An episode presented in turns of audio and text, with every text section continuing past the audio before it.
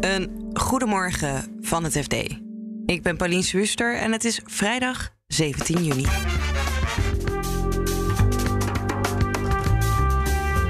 Winkeliers willen minder huurverhoging, maar huurbazen houden voet bij stuk. Vastgoedbeleggers hebben gezegd dat ze eigenlijk niet van plan zijn om mee te gaan in die oproep van de brancheverenigingen, zoals in retail. Hugo de Jonge wil flink bouwen en daarbij is hij ook afhankelijk van flexwoningen of containerwoningen. Die flexwoningen, zeggen zij, die zijn al lang geen containers meer. Hè? De beelden van dat eh, we studenten in een zeecontainer stoppen, dat is wel een beetje ten einde. En het zou zomaar het slechtste jaar voor beursgangen kunnen worden in 12 jaar tijd. Als je een bedrijf bent dat een beursgang nodig heeft, uh, dat kapitaal echt nodig hebt, ja, dan heb je wel echt een probleem uh, als je nu niet kan gaan. Dit is de dagkoers van het FD. We beginnen met de winkeliers. Die willen coulance van vastgoedbeleggers. Want door de hoge inflatie krijgen ze anders te maken met huurverhogingen van zo'n 7 tot 10 procent. Vertelt retailredacteur Julia Cornelissen. Volgens In Retail gaat het in totaal om 15.000 winkeliers die te maken krijgen uh, met die huurverhogingen. Of er ja. al mee, mee uh, te maken hebben. Ik denk dat het per sector en per winkelier natuurlijk zal verschillen uh, hoe heftig de impact hiervan is. Um, supermarkten en, uh, en essentiële winkels, zoals we dat noemden, die mochten natuurlijk gewoon open zijn tijdens ja. de hele pandemie. Dus die hebben uh, betere buffers en die hebben het, het makkelijker gehad dan bijvoorbeeld kleding- en schoenenwinkels, die best wel zware jaren hebben gehad. Ja, maar ze doen eigenlijk allemaal gezamenlijk deze oproep. Ja, klopt. Ja, ja, en dat is op zich wel interessant dat ook winkels waarmee het volgens mij hartstikke goed gaat, zoals Jumbo en Kruidvat, gaan in gesprek met, uh, met hun verhuurders, omdat ze met uh, flinke verhogingen te maken krijgen. Ja, ja, het is misschien ook een beetje een spel om die pijn van de inflatie. Uh, ja, niet zeker. Ja, die is zo ongekend hoog dat, uh, dat waarschijnlijk iedere winkelier daarvan schrikt. En, uh, en hoopt op een, in ieder geval een compromis te komen. Dus op een verhoging die iets lager is dan die 7 tot 10 procent. Denk je dat ze veel kans maken om de huren, nou, ik wou zeggen omlaag te krijgen, maar om de verhoging omlaag te krijgen? De ondernemers die we hebben gesproken, die zijn wel hoopvol dat ze in ieder geval in gesprek kunnen daarover. Ja. Maar uh, vastgoedbeleggers hebben gezegd dat ze eigenlijk niet van plan zijn om mee te gaan in die oproep van de brancheverenigingen, zoals in retail, om uh, de huurverhoging aan te passen. Waarom niet? Ook omdat ze net die coronajaren achter de rug hebben. En ze hebben al heel veel gedoe gehad. Ze hebben heel veel met elkaar om tafel gezeten over huurkortingen in de maanden dat de winkels gesloten waren. Uh, daarin hebben ze al best wel wat concessies gedaan, zeggen die verhuurders. Dus nu uh, zijn ze er wel een beetje klaar mee. Ja. En hebben de winkeliers dan nog een verhaal richting de verhuurders, hoe zij het graag zouden zien? Ja, ja, zij willen graag, um, dat is het verhaal van de brancheverenigingen, dat de huurverhoging wordt afgestemd op de kerninflatie. En daar zit onder andere de energieprijzen niet in. Ja. Dus dat zou uitkomen op zo'n 3% geloof ik. Um, en hun argument daarbij is, de energieprijzen die betalen we al als huurders. Dus we vinden het onredelijk dat de verhuurder die ja, verhoging wordt. ook meeneemt. Ja. ja. En hoe hoog staat het water de winkeliers aan de lippen? Jij bent bij twee langs geweest volgens mij. Schoenenzaak, ja. kledingzaak? Ja, klopt. Een schoenen- en een kledingzaak die hebben het natuurlijk best wel heel moeilijk gehad. Omdat ze een aantal keer hun deuren helemaal moesten sluiten. Um, en zeker de schoenenwinkelier die ik sprak, die heeft heel veel van haar eigen reserves de afgelopen jaren moeten inzetten. Zij is best wel bang om deze laatste klap niet te overleven. Ja, en volgens mij bij haar ging het ook 10 of 11 procent omhoog. Ja, zo, toch? ja uh, bijna 10 procent. Ja, wat is dat op jaarbasis? Enorm. Uh, ja, bij bedrag. haar kwam dat op zo'n 12.000 euro, geloof ik. Dus dat is uh, ja, weer, weer een tegenslag. Dat ja. is, Moet je flink wat schoenen voor verkopen? Ja, en mensen letten meer op hun portemonnee. Ook nu alles duurder wordt. Dus er zijn meerdere factoren waar zij nu door in de moeilijkheden zitten. Hogere kosten, lager consumentenvertrouwen. Dat komt er allemaal ook nog bij. Woonminister Hugo de Jonge heeft een flinke bouwambitie. Zo'n 100.000 woningen per jaar. En zo'n 15.000 moeten dan flexwoningen zijn. Onze woningmarktredacteur Erik van Rijn maakt de komende tijd een serie over dit fenomeen. Woningcorporaties hebben zich ten doel gesteld om 10.000 woningen, flexwoningen te, te halen vorig jaar en dit jaar. Ja.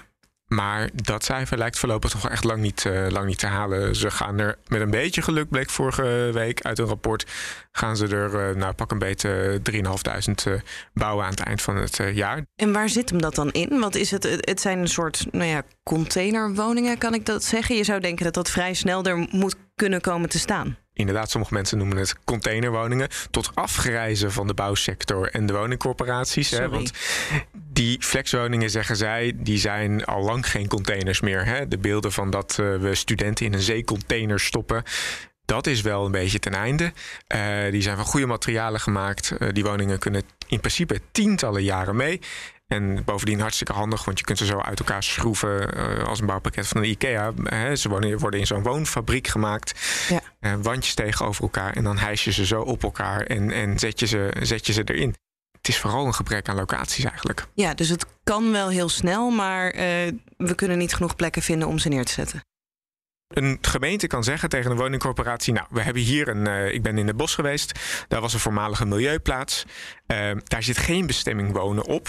Als je dat bestemmingsplan wil wijzigen, dan duurt dat enorm lang. Ja. Maar door een wijziging in de, in de, door de crisis- en herstelwet noemen ze dat, is het mogelijk voor een gemeente om te zeggen: jij mag de komende tien jaar afwijken van het geldende bestemmingsplan. Ja. Dus dat betekent in feite dat je woningen kunt zetten op plekken die in principe niet aangewezen zijn voor woningbouw.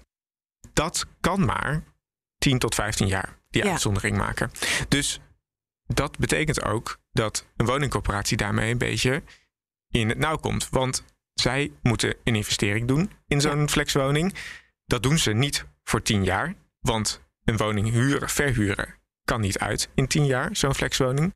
En dan loop je dus tegen de situatie aan dat je nu wel een plek hebt om die flexwoningen neer te zetten. Maar dat je over tien jaar die woningen nog weer een keer moet verplaatsen naar een andere locatie. En dat je eigenlijk nog helemaal niet weet waar dat dan gaat zijn. Hoe kijken de huurders uh, er eigenlijk tegenaan, die uh, je ook hebt gesproken daar? Zijn, zijn die er blij mee? Ja, kijk, en die woningen die voldoen in principe ook wel aan een hoop uh, redelijk wat comfort. Alleen ja, ze zijn natuurlijk wel redelijk klein. Dus je kunt je natuurlijk afvragen van. Waar hebben we het dan over?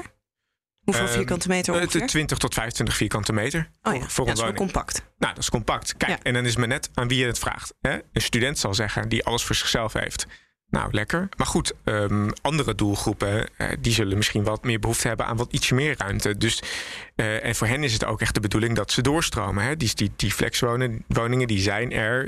Je krijgt daarbij een huurcontract van wat is het, twee jaar. En dan is het ook echt de bedoeling dat je weer verder gaat kijken. Dus het moet een soort invoegstrook worden, zei iemand tegen me, voor uh, mensen die weer op de woningmarkt kunnen gaan, zeg maar. Ja, en dan is dus eigenlijk de tevredenheid van de huurder ligt er een beetje aan of ze weer door kunnen stromen. Ja, natuurlijk. En dat is natuurlijk ook een beetje de vraag of dat kan natuurlijk in deze woningmarkt. Kijk, ehm, de corporatie waarbij ik in Brabant op bezoek ben geweest, Brabant Wonen in Den Bosch, die kwam er ook wel achter dat twee jaar toch best wel een korte periode is om weer wat anders te vinden op een markt die zo gespannen is en waarbij de wachtlijsten voor woningcorporaties ook enorm uh, lang zijn. En je ja. op de vrije huursector ook niet vreselijk veel keuze hebt. Dus zij zijn nu aan het kijken: kunnen we ook huurcontracten geven aan mensen wat langer dan twee jaar, maar misschien wel tien jaar? Hè? Precies die duur van de termijn dat de, de, de flexwoning op die bepaalde locatie mag staan. Ja, ja dan uh, zorg je ervoor dat mensen wat meer rust hebben. Maar aan de andere kant, ja, zorg, krijg je dan natuurlijk niet het idee van dat uh, het echt een, een, een, soort, soort, een soort noodwoning is, om maar te zeggen. En dat, dat het echt bedoeld is voor mensen die ja, snel iets nodigs hebben en dan ook snel weer iets anders willen en ergens anders naartoe willen gaan. En tot slot gaan we naar de beurs, waar het extreem moeilijk is voor bedrijven om geld op te halen. De Europese beurzen liggen op koers voor het slechtste beursgangenjaar in zeker 12 jaar tijd. Hoe dat komt, hoor je van beursredacteur Lennart Sandbergen. Ja, dat heeft eigenlijk meerdere redenen. Die hangen eigenlijk wel allemaal samen met hetzelfde. Namelijk dat het gewoon een nogal chaotisch jaar is op de beurs. Uh, er is veel onzekerheid. Uh, nou ja, dat zie je natuurlijk aan alle beurskoersen die alle kanten op gaan, maar vooral omlaag. Uh, nou ja, daardoor hebben veel beleggers zoiets van, nou, als er een bedrijf naar de beurs zou gaan, van nou, daar ga ik nog eventjes niet in beleggen, want ik weet niet zo goed uh, hoe dat bedrijf gaat presteren. Ik ken het management niet en ik snap nog niet helemaal goed hoe het werkt. Dus hier ga ik mijn vingers nog maar even niet aan branden. Dan maak ik in ieder geval geen fout. Ja. En als het heel goed gaat op de beurs, dan hebben beleggers toch wel eerder de neiging om uh, dat risico wel te nemen. Omdat ze dan weer bang zijn dat ze een grote, grote winnaar mislopen. mislopen. Ja. Ja, en het is natuurlijk inmiddels alles uh, rondom de markten en de rentes en de inflatie. Alles is onzeker. Ja, alles is enorm onzeker. En wat daar dan natuurlijk nog bij komt, is dat als de beurskoersen dalen. Uh, nou ja, wat dat eigenlijk betekent, is dat beleggers minder geld betalen voor uh, de winst die een bedrijf boekt. Ja. En dat druk je uit als een waardering van een bedrijf. En uh, nou ja, vorig jaar keken beleggers naar de AIX en dan dachten ze van nou, de bedrijven daar die zijn gemiddeld zo'n 19 keer hun winst waard. En nu is dat nog maar 11 keer. En dat betekent dus ook dat als je je bedrijf naar de beurs wil brengen, ja, dan krijg je ook een stuk minder geld voor uh, dat bedrijf dat jij uh, met bloed, zweet en tranen hebt opgericht. Ja. En dat is voor veel uh, ondernemers of investeerders die dat bedrijf al in handen hebben, hebben dan zoiets van, nou, dan wacht ik nog maar eventjes totdat het weer een beetje aantrekt. Ja, en hoe slecht is het in vergelijking met vorige jaren? Als we zeker twaalf jaar tijd is dan desastreus of is het net een beetje minder?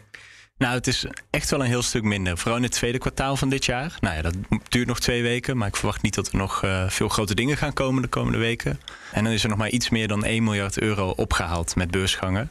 Uh, en zelfs op het dieptepunt van de eurocrisis. En zelfs uh, in het kwartaal dat de coronacrisis uitbrak, is het niet zo weinig geweest. Nee, en, en vorig jaar was heel goed, toch? Ja, vorig jaar was ontzettend goed. Uh, echt een recordjaar op alle vlakken. Toen, uh, nou ja, dan werden er iets van 90 miljard opgehaald. Ja.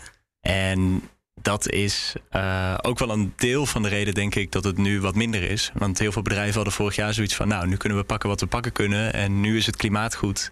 Ja, ook zo'n beetje ieder bedrijf, ook als ze nog lang geen winst aan het maken waren, konden toen een beursgang maken. Ja. En nu is het sentiment volledig omgeslagen. En wie hebben hier nou uiteindelijk het meeste last van?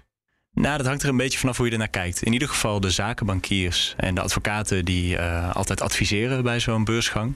Nou, de gemiddelde beursgang levert iets van 20 of 30 miljoen op voor dat soort partijen. Nou, dat bedrag dat is er nu dus uh, nee. nauwelijks.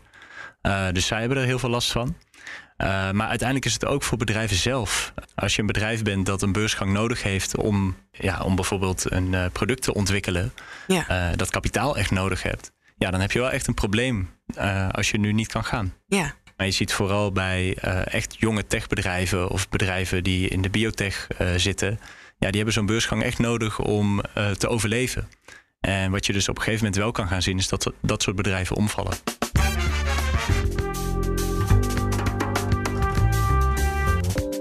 Dit was de dagkoers van het FD. We zijn er elke werkdag, dus maandagochtend vind je ons weer in je favoriete podcast-app. En ondertussen volg je natuurlijk het laatste financieel-economisch nieuws op fd.nl.